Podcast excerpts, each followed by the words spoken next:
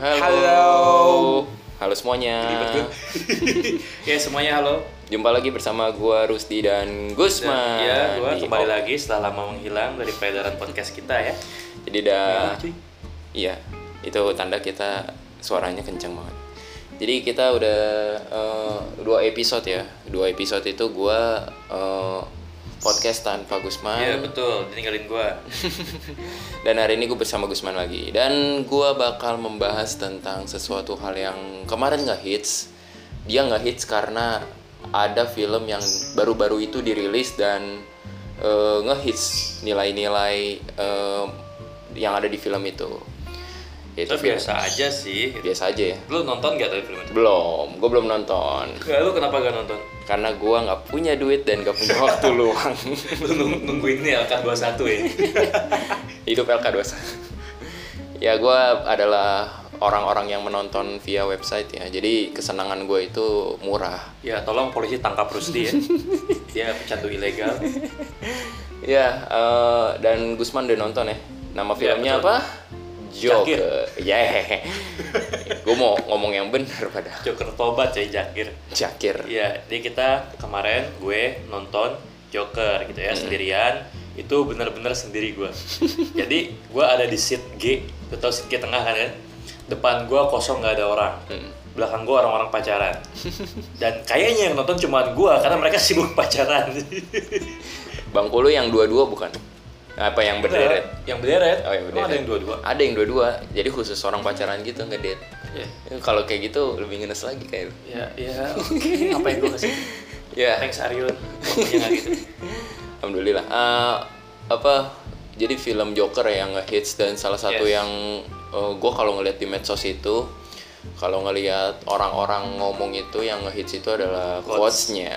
Orang baik itu, eh orang Eh, orang, jahat, itu terlahir dari orang baik yang tersakiti. Iya. Ya. Dan ada antitesis antitesis lainnya. Jadi kayak orang jahat ya orang jahat, orang baik orang baik dan sebagainya. Cuman di sini gue melihat eh, dan yang banyak dibahas itu adalah tentang kesehatan mental, Hmm, bahasa kerennya apa tuh? mental illness. Ya sebenarnya gangguan jiwa sih ya. Gangguan Sakit jiwa. itu bahasa Sakit kitanya. jiwa. Heeh. Gimana tuh? Lu ya sebagai Ya. yang udah nonton eh, kira-kira apa yang bisa lu lihat di Joker? Bener nggak sih ada nilai-nilai eh, tentang mental? Ya, jadi sebenarnya kalau misalkan lu adalah pecinta ini ya film superhero dan ngebayangin itulah sebuah film yang mirip-mirip superhero kayak contoh misalkan walaupun ini penjahat ya Hmm. kayak Suicide Squad Suicide Squad lu tahu kan Ya. dia kan bukan hero kan dia penjahat yang dimisikan untuk membunuh orang yang lebih jahat kan gitu Hah. nah kalau lu ngarep film Joker tuh kayak gitu salah besar Hmm, karena Gitu. Karena di sini bukan itu yang mau dasar. Ini lebih kepada film tentang psikologi. Itu, ini tentang psikologi. Hmm. Nah, jadi yang dibahas adalah tentang bagaimana perkembangan psikologi si Joker tuh. Yang dari awal dia sebenarnya orang biasa aja, dia cuma kayak pekerja badut. Oh, spoiler. Oke. Ya buat lo yang nonton dan belum nonton Joker ya ya udahlah ya gitu. tetot tetot Udah minggu keberapa juga tuh di website juga udah ada kayaknya udah tiga minggu kayaknya nggak apa-apa lah ya udah aja udah kalau misalnya lu gak mau ya udah close aja dah Hmm. Gitu. kalau nggak mau dengar spoiler nah paling ya gitu dia cuma orang biasa aja pekerja badut kemudian memang hidupnya menderita dari awal gitu ya. dia punya penyakit juga yang namanya gue lupa jadi dia adalah eh, penyakit yang di mana dia nggak bisa nahan ketawa nggak bisa nanti ketika perasaan dia tidak sesuai dengan ekspektasi. Misal nih lu kecewa nih. Hmm. nah kalau lu kecewa lu bukannya sedih tapi lu malah ketawa. Gitu. Jadi lu kalau lu tahu trailer ini kayak yang bocah keriting hitam? Yang di gini-gini? Iya bawa bawa gitu. kan di Ah, bus. ah. nah itu pas adegan itu. Kan ada orang tua kan yang- diomelin kan? Ah, nah diomelin dia orang. bisa omelin ketawa. Oh iya. Terus ngeluarin kartu itu ke si orang tuanya. Diomelin terus ngeluarin kartu. Tulisannya maaf saya punya gangguan eh, mental gitu yang mana ketika perasaan saya tidak sesuai dengan ek- ekspektasi saya akan tertawa terbahak-bahak. Hmm. jadi itu sebenarnya. Nah ya gitu sih. Sebenarnya dibilang orang baik ya gue pikir dia orang baik. Orang baik. Do awalnya. Awalnya. Dan sampai akhir pun mungkin ya tetap baik sih. Karena kejahatan yang dia bikin itu rata-rata apa ya Jadi quotes-nya tuh bener ya. orang baik terlahir dari orang jahat. Eh orang jahat terlahir dari orang baik yang tersakiti. enggak juga sebenarnya karena memang dia nggak bisa nahan emosi gitu ya Hmm. si Joker ini ya itu dia emang beneran kasihan sih gue gimana ya dia pas jadi badut Hmm. lu ngebayangin lah lu kerja susah jadi badut ini Hmm. terus kemudian lu papan lu diambil dihancurin terus pihak perusahaannya dia Hmm. nggak mau tahu lu harus ganti itu kan amsyong ya Hmm. terus kemudian temennya ngasih pistol untuk jaga-jaga pas dia kerja pistol eh, ada orang ketahuan apa namanya nangkep dia punya pistol gitu kan di rumah sakit bocah-bocah kelihatan Hmm. dilaporin ke pihak perusahaan perusahaannya mecat dia gara-gara bawa pistol kayak gitu-gitu Hmm. pokoknya kalau dilihat dari secara keseluruhan sebenarnya kasihan Hmm. dari film itu Hmm. Yaudah gitu aja sih Gitu aja. ya cuma gue yang gue lihat ya tadi Ada dukungan-dukungan dia itu sekitarnya gitu. Misalkan eh, Oh. eh, pemeran sekitarnya dia misalkan. halu Halu. Ah, dia dia sebab orangnya halu juga sih skizofrenia juga dia pengidap juga Oh gitu. jadi dia itu ngebayangin suatu hal jadi membuat apa yang dibayangin semakin nyata gitu delusi namanya gitu Hmm. ya misalkan lu nih lu kan jobs De- gitu delusi. Yoi. De- delusi De. oke misalkan lu nih lu misalkan nggak punya pasangan gitu kan Iya. terus lu ngebayangin lu jalan-jalan sama pasangan dan itu beneran kayak lu punya pasangan beneran nyata kebayang gak sih Iya iya. delusi itu kayak gitu Itu itu menyakitkan. ilusi yang sangat nyata Hmm. tapi buat lu doang gitu Hmm. Itu Kayak gitu. Itu nyakitin sih. pernah lu ya Pernah. Tapi sekali doang karena sama gara-gara cewek juga Eh, tapi gue menyadari penyebab gue bisa begitu karena gue lagi nggak deket sama sama ajaran-ajaran agama gitu kan. Maksudnya kayak eh, menurut gue itu obat paling ampuh sih. Dan setelah setelah gue dari penyakit itu, setelah gue mengalami delusi kayak gitu, terus ketemu mengalami delusi terus eh, apa namanya eh, disadarin gitu ya dengan dengan nilai-nilai eh, kebetulan agama gue Islam dan eh, nilai-nilai Islam jadi gue makin sadar oh ternyata di sini masalahnya. Ya gitu tapi ya gitu. Nyata banget sih bayangannya. Sebenarnya kayaknya memang ya gue kelihat sih Joker itu kan gak punya gue nggak tahu agama dia apa ya. Gue di film nggak nggak diceritain juga dia gue nggak tahu dia Kristen apa apa gitu. Ya terus eh, nggak ada nggak ada sesi-sesi gereja juga di situ soalnya. Ya gitu ya flat aja kira- film kayak eh, gitu. kira-kira apa lagi? Ya akhirnya gitu dia itu bisa jahat gara-gara dia kecewa sebetulnya. Hmm. gara-gara ibunya sih. Hmm. Jadi ibunya orang yang paling dia sayang ternyata ngebohongin dia selama ini Hmm. dan yang fakta lebih menyedihkan lagi di situ di ibu itu ternyata ngalamin gangguan jiwa juga skizofrenia juga skizofrenia juga dan sebagainya. Nah, kalau itu di catatan medis ya, Hmm. catatan medis. Nah, si ibunya ini pas masih kecil si Arthur Fleck ya si Happy itu dia sering disiksa sampai akhirnya punya gangguan jiwa kayak gitu ada Sama ada ada catatan medis di rumah ibunya? sakit iya gitu jadi gara-gara gitu dia mulai kecewa akhirnya dia ngebunuh ibunya sendiri gitu namun sebelum itu sebenarnya dia pernah ngebunuh orang juga Hmm. yang di kereta yang bikin gerakan clown itu tuh gerakan badut Hmm. Lu- yang rame-rame Ah, oh di rame-rame. trailer ada kayaknya. Ya, Zaire kan ada orang rame-rame kayak topeng badut kan Hmm. itu gara-gara si Arthur Fleck di kereta nggak sengaja ngebunuh orang dia merasa terancam kan Hmm. terus dia ngeluarin pistol dia nggak sengaja ngebunuh. Karena memang perlindungan diri sebetulnya sih kayak gitu. Tapi setelah setelah itu dia masih biasa aja gitu kan. Nah cuman ke sini ke sini sini karena kecewa sama ibunya orang yang paling dia sayang gitu kan. Hmm. terus dia ngebunuh ibunya kemudian setelah ngebunuh ibunya dia pergi ke rumah ceweknya. Yang ternyata ceweknya tuh halu ngerti gak sih? Kayak lu seakan-akan misalkan pacaran sama si A padahal si A itu nggak nggak anggap lu pacaran sama dia. Jadi yang selama ini lu jadi sama lu cuma bayangan lu doang. Hmm. Gitu. Nah dari situ nggak tahu deh si ceweknya dibunuh atau enggak. Nah dari situ mulai tuh dia mulai dandan kan. Dandan pakai Iya, pakai, badut ah. lagi. Terus had- diundang juga ke acaranya sih. Ini ya siapa? Kalau ini yang bikin acara stand up itu lah pokoknya. Dia punya acara lo tau nggak di trailer yang ada di TV kayaknya iya. Dia ngomong di depan gitu ya di Mor- panggung gitu. siapa dia namanya dia? Morfin ya? Murphy ya? Murray. Oh iya Murray. Acara Murray. Hmm. nah si Murray akhirnya ditembak Hmm. di, di acara live dia sendiri Hmm. sama si Arthur saat si Murray ngundang Arthur ke acara dia Hmm, jadi eh, dukungan orang-orang sekitar itu kayak ibunya. Iya. Pa- berarti pacarnya enggak ya? Termasuk enggak ya? Karena kan dia delusi tuh. delusi juga Eh, ya. berarti pacarnya enggak, jadi ibunya nih. jadi gitu sebab kalau dibilang dia orang baik yang tersakiti sebenarnya ada benernya juga. Enggak juga sih karena apa yang diceritain enggak juga. gue kira lu mau ngomong ada benernya juga. nonton ya supaya yang dia ceritain dia halunya dia doang semua dari episode eh dari sesi awal sampai akhir. Oh, gitu. Jadi di ending nih kalau misalnya lu spoiler gak apa-apa ya? Lu kan gak nonton. Kan gue ini penganut. Penganut website. Jadi di ending itu si Arthur scene-nya lagi ada di rumah sakit. Oh gitu. Dan Iya. semua yang dia bayangin. Dan kalau lu nonton nih hmm, jam yang ada di rumah sakit itu sama jam di setiap scene di film itu angkanya sama 11 11 artinya jamnya nggak berubah. Fix itu halu oh itu gitu bayangan si Arthur doang gitu. Jadi sebenarnya apa yang diceritain dari awal sampai akhir Hmm. itu adalah cuman hayalan dia doang. Saat di rumah sakit. Semuanya. Iya jadi sebenarnya dia jahat dari bukan, awal. bukan masa lalunya dia gitu. Bukan. Di situ gua nggak tahu di situ. Cuma kalau kalau yang eh, gua tangkap ya tanggapan gua pribadi nih Hmm. itu semua halu dari awal sampai akhir. Jadi plot twist gitu ya? Kita Iya. kayak kayak nggak ngeduga ternyata begitu endingnya so kalau lu anggap itu cerita benerannya Arthur ya silahkan. Itu terserah lu. Cuman kalau gua gua belum anggap itu nonton. sebagai halunya dia. Itu kan dari awal juga udah aneh juga. Oh iya. Dia kan udah nembak orang. Harusnya kan di Iya. penjara dong Hah? Nggak, ya sengaja disangsi. Kenapa harus ke RSJ Hmm. Gitu kayak gitu deh pokoknya oh iya karena dia musuhnya Batman ada kaitannya nggak sama Batman ada jadi Gimana? gara-gara gerakan yang dia nggak sengaja bikin ya hmm. akhirnya Thomas Wayne-nya mati Thomas Wayne tuh Thomas Wayne bapaknya Batman Bruce Wayne ya? bapaknya Thomas. bapaknya Bruce kan Iya, bapaknya Batman Bruce. namanya Bruce Wayne Iya. Hmm.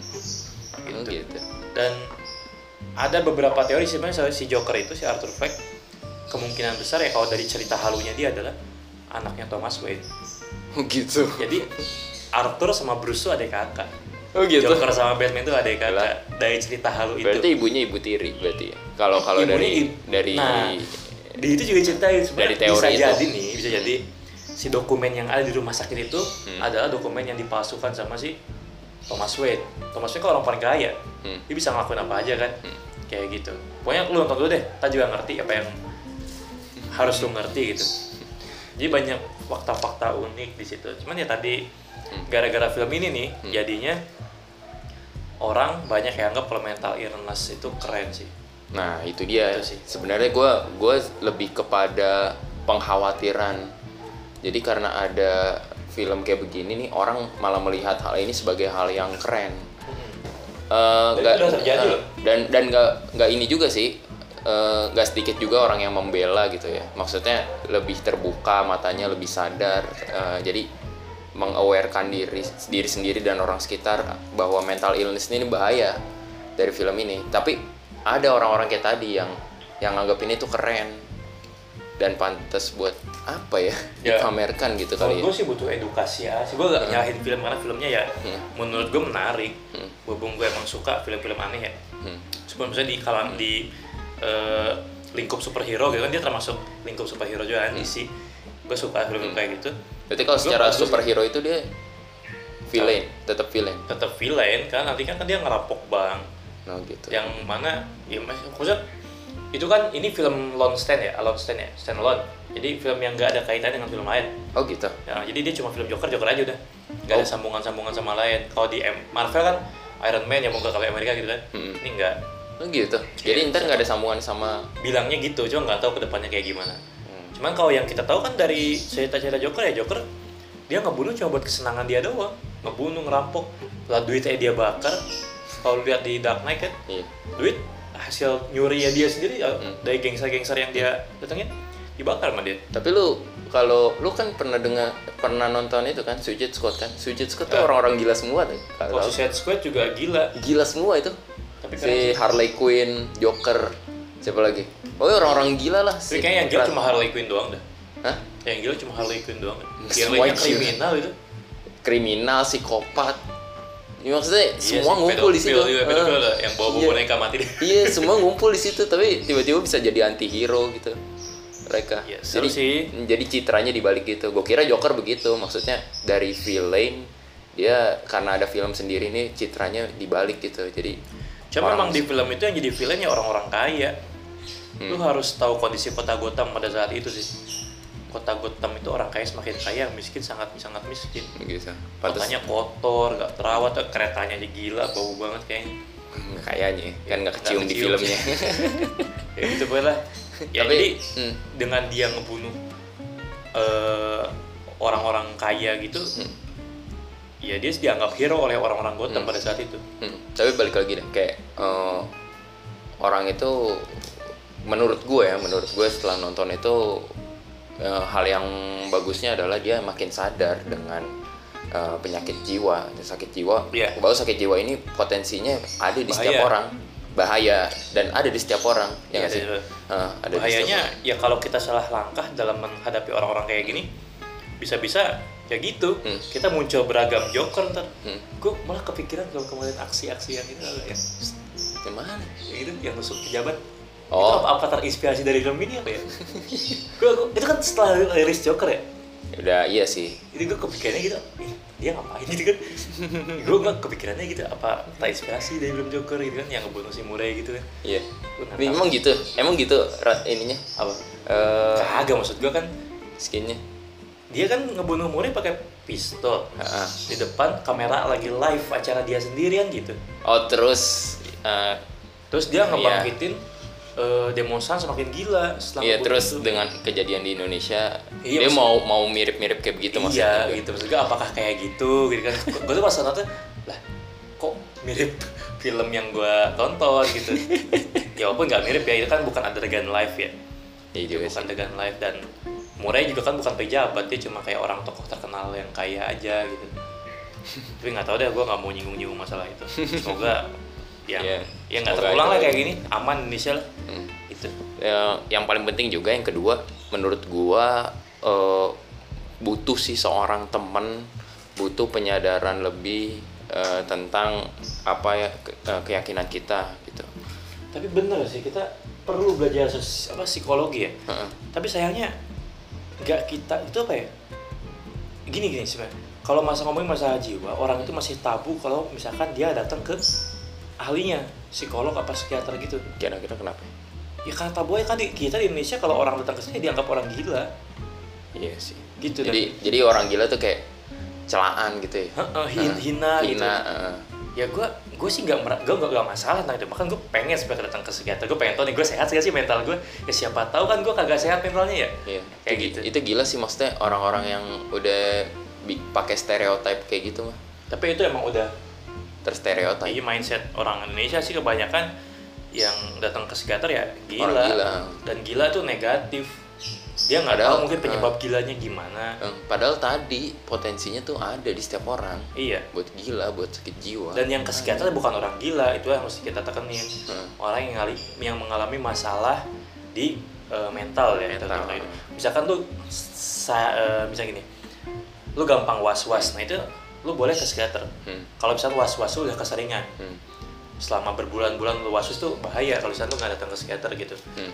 atau lu nangani dengan cara yang ada di Google misalkan Hmm. kayak gitu-gitu itu bahaya juga karena bisa saja jadi lu salah nanganin Iya, salah nanganin sama kayak sama kayak lu pengen nyuntik diri sendiri. bener Tapi yang nyuntik bukan dokter. Lu beli siring sendiri nih, walaupun sama lu dokter beli- sekalipun lo Hmm. dokter itu nggak pernah berani mendiagnosis diri dia sendiri Karena serius dokter itu dia kalau misalkan ngediagnosis orang dia gampang. Hmm, dia tapi buat ngediagnosis diri dia sendiri. Dia harus ke nggak dokter juga. iya dia ke dokter juga. Kayak gitu. Gitu. ya bener. Itu nggak berani juga walaupun misalkan dia dokter jiwa gitu. Gua nonton di YouTube sih tentang di YouTube gua kan non- apa ngikutin ini ya ngikutin psikolog ya. Hmm. dia di psikolog bikin channel lu lihat di YouTube ada. Sudah 400 ribu subscriber kan emang dia kerjaannya psikolog gitu. Udah nggak usah dipromosin, kita nggak bakal dibayar sama dia. oh ya udah. Ya potongnya potong maksud gua di situ dia bilang juga dia kalau ngalami masalah jiwa dia nggak bisa diri sendiri Hmm. gitu nah apalagi kita yang ilmunya nggak seberapa gitu jadi buat datang ke psikolog psikiater tuh perlu sih menurut gua perlu ya. Buat Menurut ngecek, perlu. buat sekedar ngecek. Mm-mm, buat sekedar ngecek aja Hmm, ngecek. cuman ya lagi-lagi ditekanin jangan sampai karena memang eh, ke psikolog itu membuat kita agak mendingan itu membuat kita jadi candu ke psikolog kayak gitu juga ya. ya nggak boleh juga karena kalau yang namanya candu datang ke psikolog ya psikolog ya dia sebenarnya apa ya gak senang juga Senang. karena berarti nggak nggak berhasil pengobatannya Enggak dia senang dapat duit. ya itu di satu sisi tapi kalau jangan dia jujur nih dia nggak senang juga karena apa yang dia lakuin Hmm. nggak berhasil ya kayak lu ngajar deh Iya. ngajar misalkan terus kemudian anak lu gak ngerti-ngerti Hmm. Lu misalkan privat nih dipanggil panggil mungkin lu seneng Hmm. satu sisi tapi di sisi lain ini anak kok nggak bisa bisa Iya, ada kerisihan. ada tekanan batin pasti Iya. secara profesional ya Iya, ada keresahan. resah sendiri Hmm. jadi ya lagi-lagi jangan sampai datang ke psikolog itu walaupun gua menyarankan ya jadi jangan sampai ke Jangan terus-terusan. terus-terusan Nah, jadi kalau lo udah merasa oke, ya udah. bahkan gua belajar ini ya apa nih dia dari filosofi stoa tuh Hmm. filosofi teras Hmm. gitu kan jadi gua gak, gak menganggap itu sebagai agama ya cuma sebagai referensi aja Hmm. namanya Henry Henry Manpiring namanya siapa sih Udah, Gua lupa dia lah pokoknya siapa pun lah. Iya Henry Mem, Mem, Mem- Judul bukunya Filosofi Teras. Filosofi Teras. gue agak susah ya ngapal nama orang serius deh itu kekurangan gue Kayak lo harus ke psikiater. tapi bener gue ngapal nama orang Hah? misalnya nama, nama penulis gue tuh emang susah gitu. Jadi dia dia mengalami masalah cemas juga Hmm. si Henry ini mengalami masalah cemas kemudian dia datang ke psikiater gitu psikolog gitu kan psikiater sih psikolog kan lebih ke itu ya. nah terus kemudian dia dikasih obat-obatan mulai baik membaik tapi lama-lama dia kambuh lagi datang lagi kambuh lagi datang lagi. akhirnya dia menerapkan gitu dia berhenti berhenti datang ke psikolog dan dia langsung menerapkan eh, ajarannya terap stoa itu sih yang kalau gua baca-baca cuma nggak beda jauh sama ajaran-ajaran kita ya, agama Islam misalkan kalau gue Islam ya gue baca tuh dari apa yang diajarin di dalam filosofi teras gitu kecuali konsep ketuhanannya ya Hmm. tapi konsep dia kan tidak mengenal konsep ketuhanan di situ bahkan mungkin tokoh-tokohnya juga dari orang-orang Romawi yang masih menyembah dewa Hmm. itu yang belum jadi Romawi Kristen lah Hmm. masih menyembah-nyembah dewa gitu Tapi konsep ininya benar. tapi konsep-konsep yang diajarinnya kayak contoh kita jangan terlalu apa ya banyak pengen dan semacamnya kayak gitu kan Hmm. itu kan di dalam ajaran agama kita juga sebenarnya ada Jangan terlalu ya bercukup-cukup Iya. bersedekah apa namanya konaa ya. ya kona'ah gitu kan merasa cukup qanaah. gitu ya sebenarnya di agama kita juga ada Hmm. jadi setelah gue baca bukunya filosofi teras itu walaupun gue baru belum selesai bacanya gue mulai berpikir ya dengan menerapkan agama sebetulnya jadi solusi sih buat gue Hmm. Tapi gue gue nggak menjudge ya gue nggak menghakimi kalau orang yang ngalamin gangguan mental itu atau orang yang sedang merasa cemas gitu kan kecemasan yang berlebih ada gangguan kayak gitu itu keimanannya kurang gue gak menghakimi sebagai itu juga sih. cuman gue bilang kalau andai setuju. kata nih kita mengalami cemas kayak gitu bagi gue obatnya adalah mulai mendekat Nih. gue bener kadang-kadang gue nangis loh Hmm. gue tiba-tiba pengen nangis dan gue nangis bukan karena gue gila Hmm. Gue ingat aja gue dosa apa sih bisa sampai kayak gini bisa sampai lupa diri kan gini gue ingat ketika kita jauh dari Allah itu kita bakal dibuat lupa dengan diri kita sendiri kan Hmm. semua mimpi lu hilang gue pernah ngalamin kayak gitu gue nggak pengen apa-apa gue nggak bisa apa-apa dan nangis udah yang mulai balik lagi ngedeket lagi Hmm. berarti kita udah jauh banget kan sampai Iya. tahap kayak hampir gila gitu Hmm. itu sih menurut gue sih Berarti eh, pendekatan diri kepada yang Tuhan, maha ya. kuasa.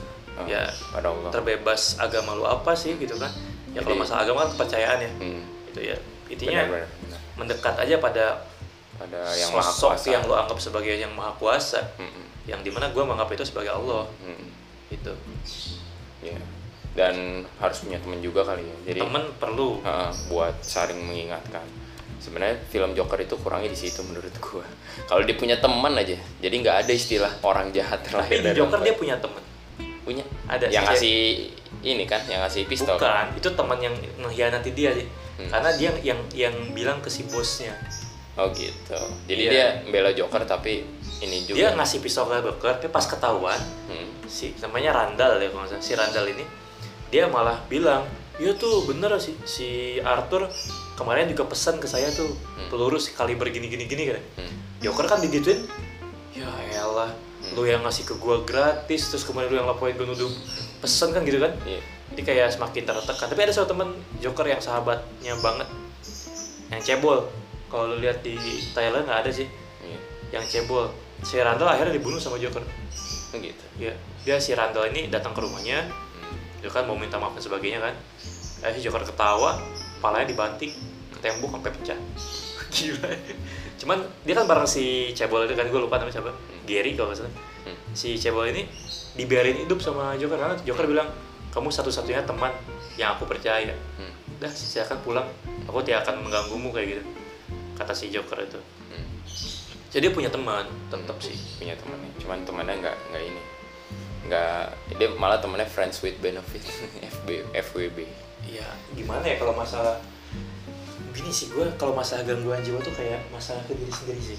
Iya. Tetap harus ke psikolog. Teman gak gak nolong, gak nolong nolong. tapi seenggaknya bisa, jadi meringankan. solusi meringankan. cuman eh, gua se- kayak kayak punya keresahan juga sih tentang eh, gangguan jiwa misalkan kayak orang-orang di sekitar gue itu dia belum ke mana-mana tapi dia sudah mengklaim bahwa diri dia tuh punya gangguan jiwa ini itu kedengeran gak sih kipas? nggak tahu mungkin kedengeran ke Tapi nggak masalah kan ya? enggak masalah dia eh, ini apa ngeklaim kalau dirinya tuh punya gangguan jiwa padahal dia belum sama sekali buat eh, ke psikolog psikiater dan sebagainya Hmm, itu yang gue bilang self diagnosis tuh.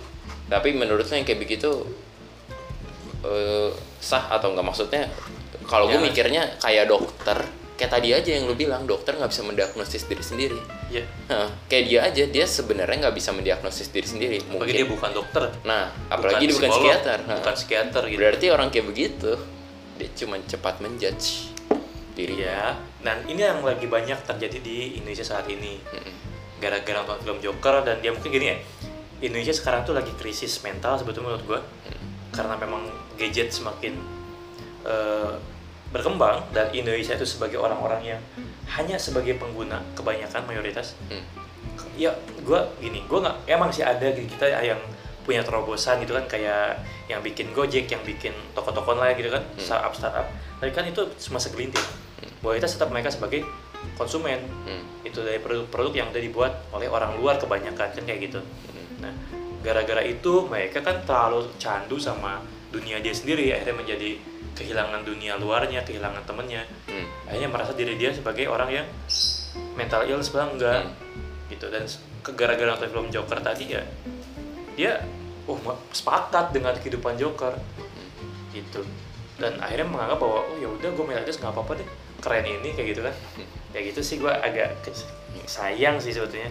Menyayangkan aja. Hmm. Ya, eh, paling gue bisa mengatakan tadi gue tadi mengatakannya terlalu terpotong-potong. Jadi yang pertama itu efek dari film Joker orang-orang itu eh, jadi eh, punya tren dengan mental illness. Jadi mental illnessnya dilihat sebagai gaya-gayaan. jadi dilihat sebagai gaya-gayaan. Iya, tapi tapi ya. jadi- tapi nggak sedikit orang yang peduli. Cuman eh, tetap menjadikan hal hal sekali bersakit jiwa gitu ya. Setingkat sakit jiwa itu sebagai gaya-gayaan menurut gue itu hal yang nggak perlu. Itu Jangan yang deh. eh, itu yang harus dihindari. Yang kedua ketika kita eh, merasa kalau jiwa kita eh, gundah gitu itu ada beberapa solusi yang tadi udah kita bilang kan. Bisa ke temen bisa ke psikiater bisa yang paling konkret sih deketin diri kepada Tuhan gitu, kepada Allah. gini sebenarnya mental illness juga bisa terjadi karena memang gangguan genetik hmm. ya Kayak kenapa tuh gini kayak orang yang berkebutuhan khusus dari lahir hmm. gitu. ada orang yang memang ketika lahir dia tubuhnya memang tidak seperti manusia kebanyakan Hmm. ada yang lahir nggak punya tangan ada yang lahir mungkin tidak bisa melihat Hmm. tapi kita yakin pasti ada suatu hal yang spesial di sudut sudut yang lain ya kan karena manusia itu kan sempurna Hmm. Entah tapi sempurna dalam bentuk yang mana kita nggak tahu Hmm. gitu. Nah kalau yang mental illness itu gara-gara genetik sebenarnya itu yang menurut lu gimana? Menurut gua kalau genetik dia kan eh, kayak pelajaran aja. Jadi dia masuknya genotip. Terus? ada di gen ada di alel yang di mana itu tinggal tunggu aja tanggal mainnya buat terekspresi atau enggak. Maksudnya jadi eh, gen itu dia nggak nggak semua gen yang ada di dalam tubuh kita itu terekspresi semuanya kita ekspresi itu apa sih Bang? tereks- terekspresi itu kayak muncul di dalam Oh, diri kita muncul. Heeh. tapi pasti muncul itu pasti muncul ketika ada triggernya, ada eh, pemicunya, Pemantik. Nah, pemantik. Jadi eh, pemantiknya itu adalah lingkungan. teman-temannya, keluarganya, contohnya, teladannya, semuanya. Apa pun yang yang membuat dia itu eh, apa terpantik ininya, terpantik jiwanya, kegangguan jiwanya gitu. Jadi eh, kita tadi yang gue bilang kita itu punya potensi buat sakit jiwa, tapi tinggal gimana caranya hal ini ya. bisa bisa terpantik gitu dengan lingkungan kita. Jangan sampai kita terpantik. Ada juga orang yang baru dikasih sedikit aja dia udah udah mulai tertrigger, udah terpantik. Jadi sebenarnya sakit jiwa itu bukan hal yang aneh ya, Bukan. karena kita punya semua punya potensi Punya yang potensi. sama. Sama sama, aja kayak kita punya potensi kanker punya. iya potensi Punya. pilek gitu kayak punya pilek. punya cuman bedanya ada yang solusi pileknya itu misalkan harus eh, minum misalkan ya misalkan harus harus minum jus apel baru sembuh Kok gitu bisa? misalkan misalkan Tapi ada. Enggak, jadi jadi gue pengen ngasih tahu ada yang treatmentnya itu semudah itu, ada yang treatmentnya Oh. seribet itu Berarti buat beda-beda buat tuh tiap nanganin orang ya? eh, buat nanganin eh, pilek. Iya, itu benar, eh, benar, buat benar. nanganin satu penyakit. Jadi nggak bisa solusi satu hal itu. Misalkan kayak Iya. tadi gue mendekatkan diri kepada Tuhan cukup misalkan. Mungkin ada yang nggak bisa, Ada yang nggak bisa juga gitu ya. ada yang bisa. Nah, Tapi menurut gue itu yang paling konkret gitu. Menurut karena kita, eh, karena kan itu rasa. eh, karena itu kan masuknya ke keyakinan ya. Jadi menurut gue itu hal yang konkret. gitu. Jadi di luar sana juga ada orang yang mungkin ke- ketika mendekat dengan Tuhan juga belum bisa. Hmm. Ya tetap mungkin butuh bantuan manusia Nah, juga butuh sih. bantuan ya benar. kayak gitu. jadi kita nggak bisa. jadi inilah, solusinya tuh nggak nggak parsial solusinya itu digabung tadi Hmm. bisa digabung jadi misalkan punya teman diingatkan kepada Tuhan dan sebagainya jadi nggak parsial nggak satu-satu Iya, betul betul. kayak gitu terus tadi yang ketiga gue sebenarnya lupa pengen ngomong apa tapi kira-kira itu kali yang bisa gue simpulkan dari dari cerita lu atas Joker Ya gitu. intinya kita nggak boleh gampang menyimpulkan itu kalau gue sih gitu. Tapi kesimpulan lo kan harus gini gini gini kalau gue ya. masih ada sih masih ada ah, ah. cuman kan yang gue dengar yang dari lu bilang itu ya udah itu yang bisa gue tangkap gitu kita nggak bisa gampang menyimpulkan tentang orang misalkan Hmm. kalau misalkan lu nanti ketemu orang yang gimana gimana ya Hmm. saling ngehargain deh kalau kata gue Hmm. karena ada juga orang yang dia gampang cemas. Gue jujur gue punya murid yang gampang cemas. Hmm. dikit-dikit cemas. Ya gue kesel memang tapi ya gue nggak boleh kesel. Nah karena kita nggak bisa. Karena kalau gue kesel nanti dia lama-lama bingung gitu kan nyari tempat nggak ada. Akhirnya dia terpantik lah untuk mengalami gangguan kayak gitu. Lebih parah ya itu bahaya juga ke depannya Mm, Ya, kita nggak tahu kan dampak orang yang tidak tertolong kayak gimana. Dan Benar. kita harap nggak terjadi. Hmm. jadi cara kita menangani orang gue harap itu diperbaiki lah dari kita Iya, gue dari pengen diri gitu. kita sendiri ya. misalkan lu nih lu terus suka ngatain orang misalkan nih ya gue pengen lu ngurangin Karena nggak semua orang resisten nah dengan dengan bener dikatain. karena nggak semua orang dikatain tuh seneng Hmm. itu kita harus lihat-lihat dulu orang siapa bahkan mungkin orang yang menurut lu biasa aja ada masa ketika dia dikatain dia nggak seneng Hmm. misalkan gue kalau misalkan lu katanya biasa aja gitu kan karena kita udah lama ketemenan Hmm. Ada masa di mana gue nggak bisa dikatain Hmm. ketika emosi gue mungkin pada saat itu sedang tidak berada pada tempatnya yang Hmm. pas gitu kan jadi kalau kesimpulan dari gue ya tadi jangan kita hal ini ya jangan mudah menyimpulkan orang Hmm. kalau orang cemburu- Kesimpulannya jangan mudah menyimpulkan. Iya, yang udah menyimpulkan orang. Kita harus tahu dulu gitu kan background dia gimana. Iya. Kemudian dia lagi ngalamin apa, ngerasa gimana. Hmm. Ya lu nggak boleh dong nggak nge- nyimpulin kalau gue orangnya jutek. Kalau lu belum kenal gue gue banget Hmm. gitu. Lu gak boleh juga nyimpulin gue orangnya galak. Lu aja belum nyapa gue kok bisa ngomong gue galak karena lihat dari muka gue yang diem. Kayak gitu kan gak boleh. Iya. Kayak gitu. Oke. Jadi penanganan kita terhadap orang Hmm. semoga bisa menolong banyak orang sih Iya. jangan sampai salah Hmm. dalam menangani orang. Gue sih gitu kesimpulan gue yang bisa gue tangkap dari film Joker tadi sih. Hmm. Itu eh, terima kasih banyak sudah mendengarkan dan selamat Tidur. pagi, siang, sore, malam. Makasih udah dengerin. Jangan lupa beri kita feedback ada di deskripsi.